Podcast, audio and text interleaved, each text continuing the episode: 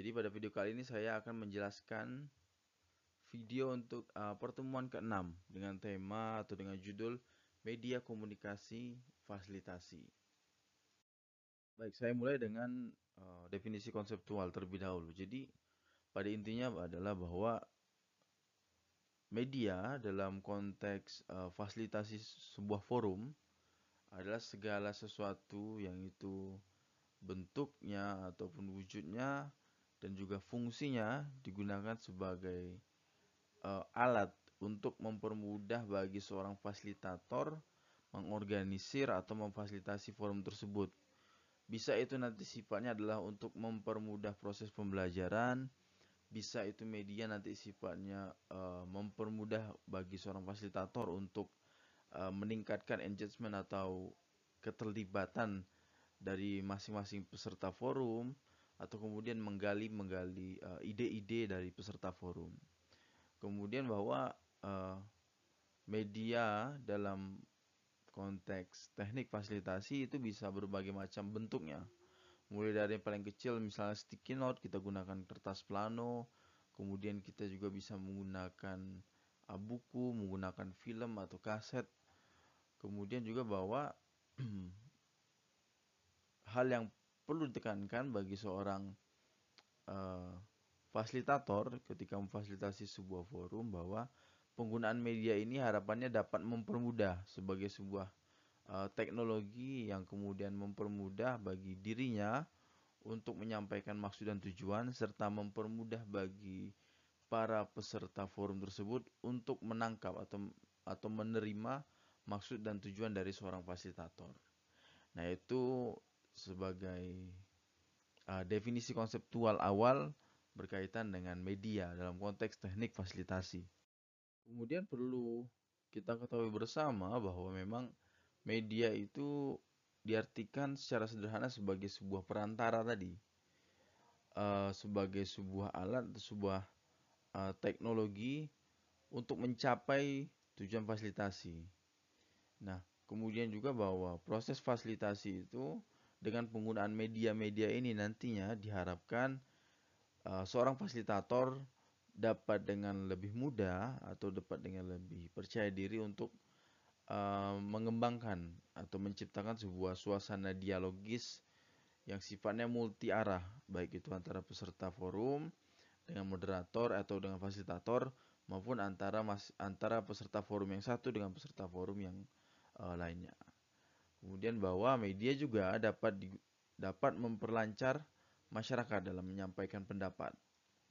Nah, kadang kita temui kan beberapa masyarakat itu enggan atau kemudian sungkan atau malu untuk bersuara. Kemudian kita harus cari alternatif, cari sebuah metode atau cari sebuah alat yang di mana dia e, dengan menggunakan alat tersebut dapat mempermudah dirinya untuk menyampaikan sebuah maksud, dapat mempermudah dirinya untuk menyampaikan pendapat. Nah, begitu. Nah, saya awali dengan sebuah bentuk media yang di mana dalam hal ini yaitu media komunikasi massa bahwa uh, penggunaan me media komunikasi massa ini bertujuan untuk menyampaikan sebuah informasi uh, kemudian ataupun gagasan atau pemikiran yang harapannya dapat men menjangkau menjangkau khayal khayalat yang lebih banyak menjangkau masyarakat yang lebih luas gitu loh Nah, kemudian bagaimana bentuk daripada media komunika, uh, komunikasi massa ini? Beberapa di antaranya itu biasanya uh, media cetak seperti brosur, pamflet. Kalau jadi ketika kita akan memulai sebuah forum, kita menyebarkan brosur atau menyebarkan uh, pamflet untuk dibaca oleh peserta forum begitu. Kemudian juga ada dia bersifat media elektronik, mungkin nanti bisa dalam bentuk uh, film atau video-video pendek begitu. Yang di mana ketika kita mutar satu kali saja dapat diserap uh, atau dapat diperhatikan oleh audiens yang yang lebih banyak lebih luas gitu cakupannya. Kemudian juga media online atau online media termasuk juga cyber media biasanya uh, kalau dalam era saat ini bisa kita kontekskan dalam bentuk WhatsApp group gitu. Jadi dengan penggunaan media WhatsApp Group ini uh, proses proses fasilitasi menjadi lebih mudah. Jadi baik itu sebelum fasilitasi dilaksanakan, ketika kita akan mengorganisir sebuah forum ataupun setelah fasilitasi dilaksanakan. Ketika kita akan melakukan follow up atau mengecek uh, atau menindaklanjuti hasil daripada forum hasil daripada uh, kesepakatan di dalam forum fasilitasi gitu. Jane Ketin menyebutkan bahwa uh, penggunaan media dalam sebuah proses pembelajaran di masyarakat itu uh, diharapkan dapat membantu, membantu proses pengajaran ataupun membantu proses belajar, baik itu yang uh, dilakukan oleh fasilitator dengan peserta forum ataupun sebaliknya gitu loh. Kemudian yang menjadi tantangan bahwa memang sebagai seorang fasilitator kemudian kita harus mampu menawarkan ataupun uh, memberikan Eh, opsi-opsi media yang sebaiknya digunakan. Karena uh, beda peserta forum tentu penggunaan me penggunaan media juga akan berbeda. Dalam hal ini lebih uh, bisa saya contohkan misalnya ketika kita memfasilitasi sebuah kelompok difabel atau teman-teman yang di mana itu mungkin uh, tunanetra, maka kita tidak mungkin menggunakan uh, media film untuk menyampaikan sebuah informasi ataupun menggunakan sebuah uh, video singkat gitu. Termasuk juga ketika kita uh, me menyampaikan atau mengorganisir sebuah forum yang di mana masyarakatnya mungkin termasuk dalam kategori berpendidikan rendah, tidak bahkan tidak sekolah gitu, kemudian buta huruf, kita tidak mungkin melakukan atau menggunakan media yang di mana mereka dipaksa harus menulis atau mereka dipaksa harus menyampaikan uh, pendapat ataupun suara dalam bentuk uh, tulisan di sebuah kertas gitu. Nah itu makanya yang akan menjadi tantangan bagi seorang fasilitator untuk memilih media yang paling fit, yang paling match dengan uh, kondisi dari peserta forum fasilitasi. Kemudian uh, apa saja atau jenis-jenis daripada media dalam pembelajaran orang dewasa dalam hal ini for, uh, proses fasilitasi sebuah forum? Secara sederhana sebenarnya ada dua.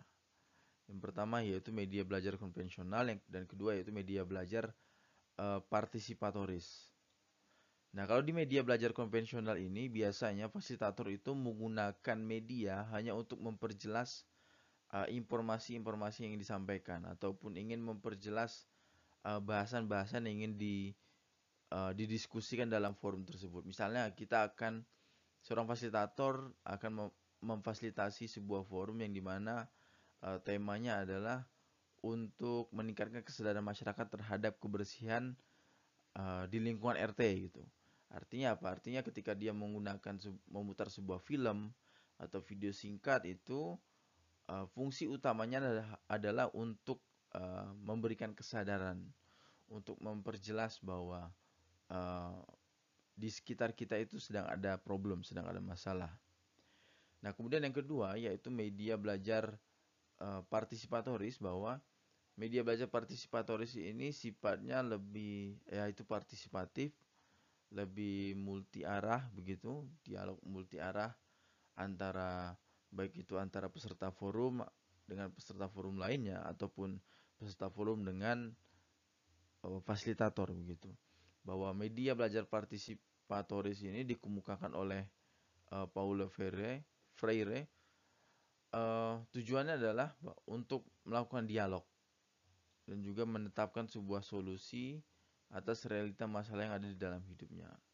Artinya misalkan tadi tema dari sebuah forumnya yaitu untuk meningkatkan uh, kesadaran masyarakat terhadap uh, kebersihan lingkungan, maka salah satu contoh media belajar partisipatoris adalah dengan misalnya nanti kita akan uh, menyebar angket atau menyebar semacam brosur atau selebaran di mana kemudian mereka akan menuliskan pendapatnya di situ atau kemudian mereka akan menyampaikan pendapatnya secara langsung. Nah, namun seiring perkembangan zaman dan juga perkembangan keilmuan bahwa ada media pembelajaran yang di mana sebagai antitesis daripada beberapa media pembelajaran yang saya sebutkan sebelumnya, yaitu media belajar lokal. Bahwa memang terkadang ketika kita sebagai fasilitator akan melakukan proses fasilitasi dalam masyarakat, kita itu uh, salah atau kurang tepat memilih media.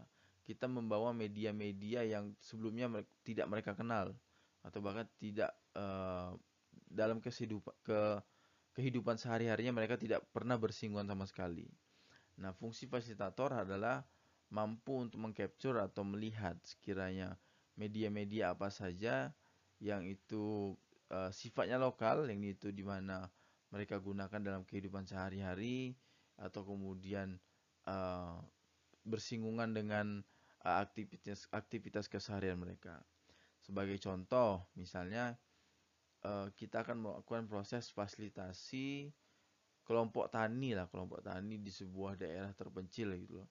Nah, ketika kita uh, menggunakan mungkin uh, media dalam hal ini film atau video yang di mana mungkin mereka akan sedikit kurang tertarik itu menjadi akan menjadi tantangan bagi seorang fasilitator. Nah, kemudian harapannya adalah fasilitator dapat mengcapture atau melihat fenomena-fenomena ataupun media-media yang ada di sekitar masyarakat yang kemudian dapat digunakan sebagai uh, alat sebagai teknologi untuk uh, menjadi perantara antara fasilitator dan juga peserta forum ataupun sebaliknya.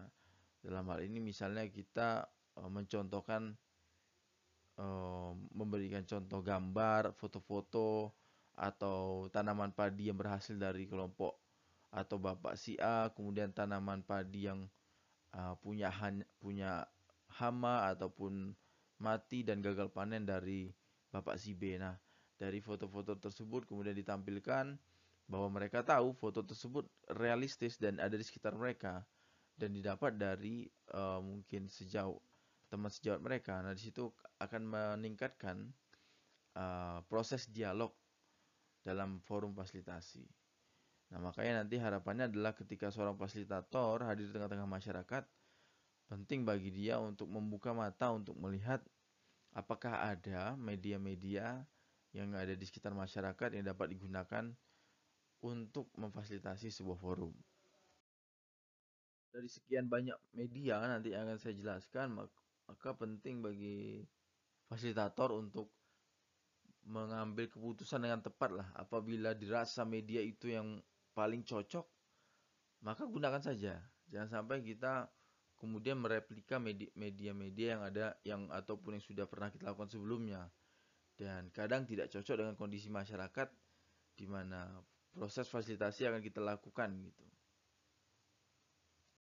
Berikut ini adalah beberapa tujuan, maksud saya adalah beberapa pertimbangan dalam penggunaan media fasilitasi bahwa pertama kita harus mempertimbangkan tujuan dari pembelajaran itu sendiri. Apakah kita ingin menggali potensi ataupun meng, atau justru menggali permasalahan-permasalahan. Kemudian karakteristik peserta didik, jangan sampai kita menggunakan media-media yang tidak cocok. Kalau kita, kalau peserta didiknya ataupun peserta forumnya adalah difabel, maka kita harus memilih atau lebih selektif lagi untuk memilih media yang digunakan. Kemudian jenis tugas, kira-kira bagaimana mereka uh, akan menggunakan media tersebut atau bagaimana mereka akan merespon media tersebut. Dan terakhir adalah respon peserta didik. Nah, sekiranya kalau dirasa uh, media tersebut kemudian akan membosankan, maka uh, sedapat mungkin secepat mungkin kita untuk mengambil keputusan tidak menggunakan media tersebut. Nah, biasanya peserta forum itu uh, sangat antusias sangat antusias dengan eh, media-media uh, yang interaktif gitu seperti film, video yang di mana ada audio dan visualnya.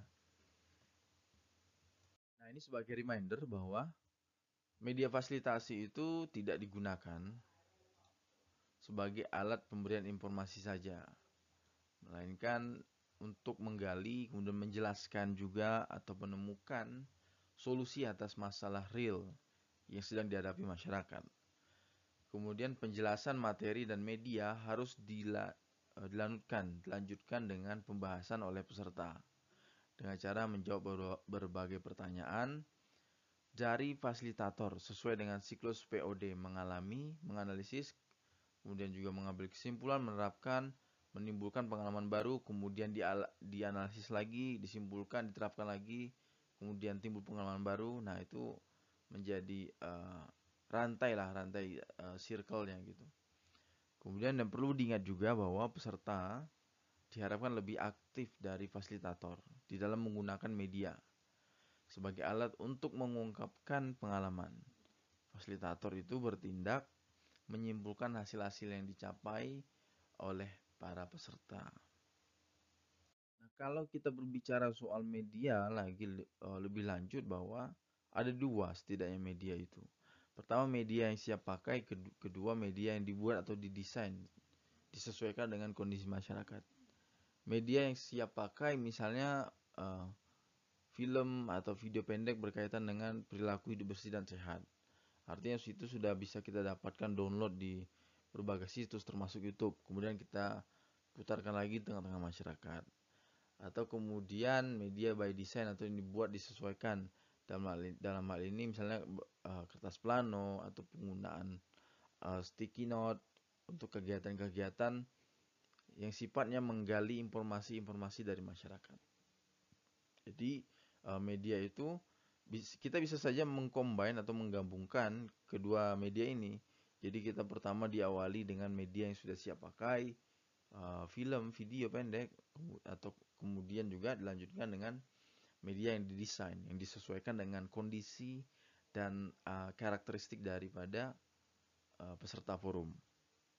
Nah ini beberapa contoh daripada media yang biasanya digunakan di sebuah forum fasilitasi bisa itu lembar penugasan kelompok. Jadi uh, peserta forum dibagi menjadi kelompok-kelompok kecil.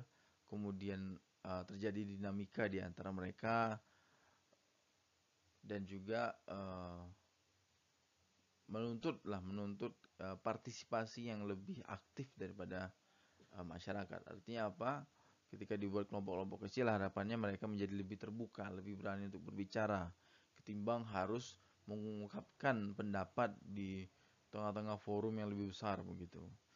Kemudian bisa juga menggunakan uh, lembar panduan praktik, kemudian skenario bermain peran atau role play. Misalnya kita memfasilitasi sebuah forum yang temanya adalah kebersihan uh, masyarakat RT gitu.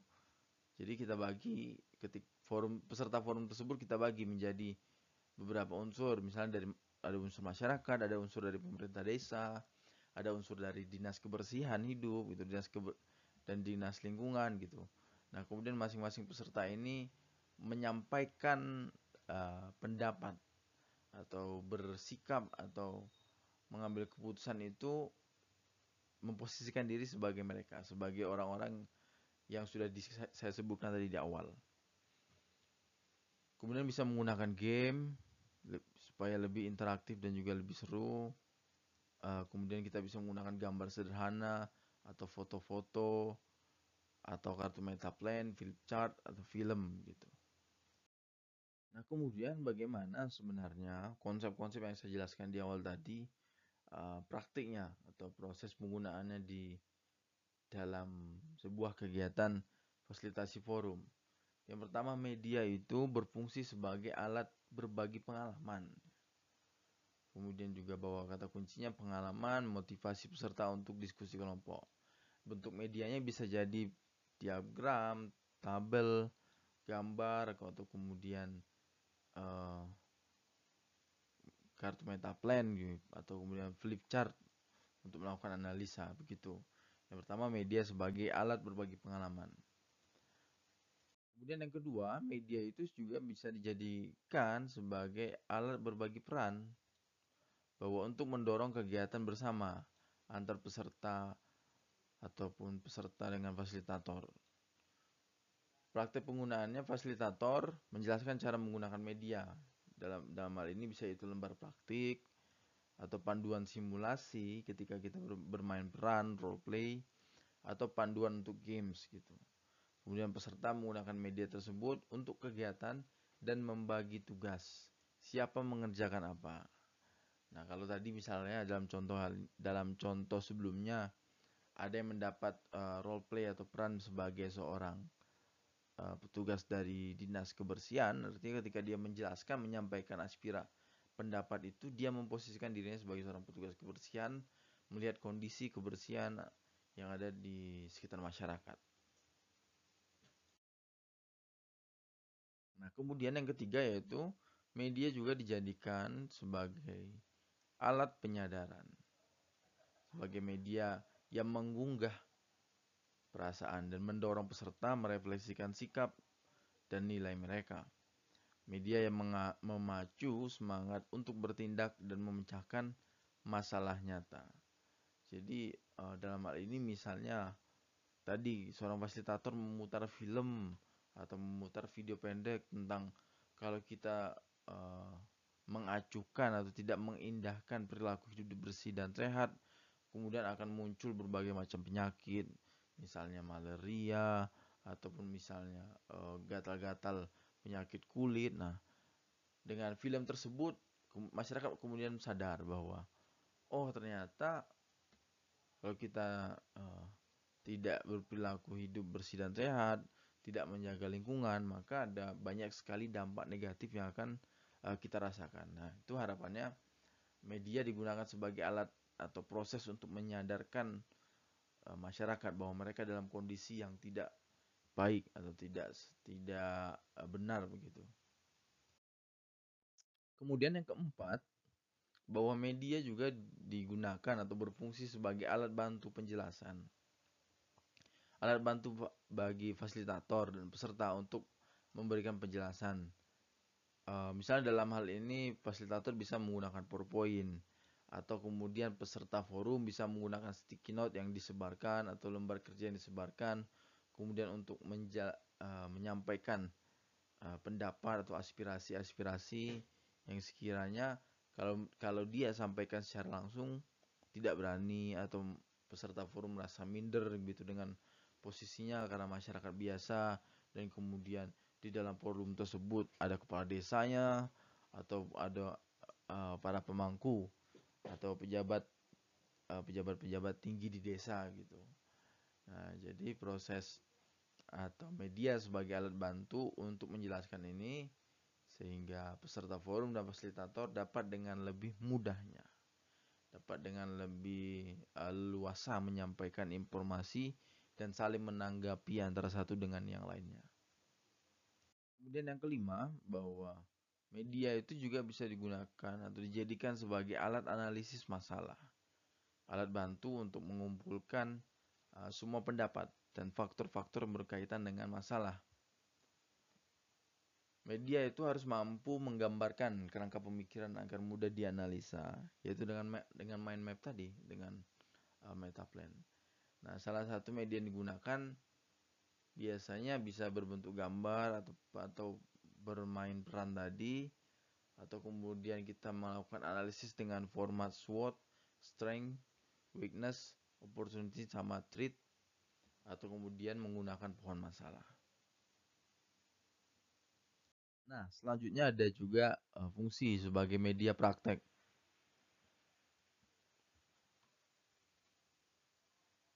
Bahwa alat bantu media itu sebagai alat bantu untuk belajar keterampilan tertentu, terutama berkaitan dengan skill mekanis. Kemudian harus ada alat dan prosedur kerjanya. Jadi uh, ketika kita akan menjelaskan, misalnya menjelaskan sebuah teknologi uh, pengolahan pupuk atau bagaimana cara uh, menjahit ketika kita memfasilitasi forum ibu ibu-ibu PKK gitu, maka kita harus menggunakan uh, sebuah media yang yang di mana ketika uh, peserta forum melihat, mengamati dan menyimak, uh, mereka mengerti alur kerja atau bagaimana cara kerja daripada media tersebut gitu. Jadi kita bisa menggunakan mesin jahit, kemudian dipraktekkan di depan mereka atau kemudian kita uh, menggunakan uh, teknologi seperti traktor atau teknologi-teknologi lainnya yang berkaitan dengan pertanian dan kemudian dipraktikkan ya dijelaskan langsung di depan masyarakat. Nah, ini kemudian uh, yang terakhir bahwa media itu bersifat tunggal atau berfungsi tunggal media yang di mana digunakan oleh peserta secara mandiri dalam proses belajar. Jadi media tersebut bisa dibawa pulang ke rumahnya. Nah, dalam hal ini misalnya tadi ketika kita mungkin melakukan sebuah proses fasilitasi di dalam masyarakat yang dia uh, kegiatan keseharian adalah membuat gerabah, kemudian kita menyediakan alat-alat ataupun uh, ya tools lah, tools tadi untuk uh, mempermudah proses membuat gerabah tadi. Nah, kemudian alat-alat tersebut bisa mereka gunakan atau dibawa pulang ke rumah untuk kemudian mempraktekannya secara sendiri, secara mandiri di rumahnya. Baik, teman-teman sekalian, sekian dulu untuk uh, materi di pertemuan ke-6 ini berkaitan dengan media uh, teknik fasilitasi. Saya harap materi ya materi yang saya sampaikan jelas dan dapat diterima oleh teman-teman sekalian. Apabila ada ada hal yang ingin tanyakan bisa disampaikan di grup chat ataupun di personal message lewat WhatsApp begitu. Baik, saya harap teman-teman sekalian dalam keadaan sehat dan juga uh, fit prima karena sebentar lagi kita akan melaksanakan UTS perkiraannya di pertemuan ketujuh. Jadi tetap semangat, tetap hati-hati, jaga diri dan juga uh, jaga kesehatannya. Sekian dulu dari saya. Wassalamualaikum warahmatullahi wabarakatuh.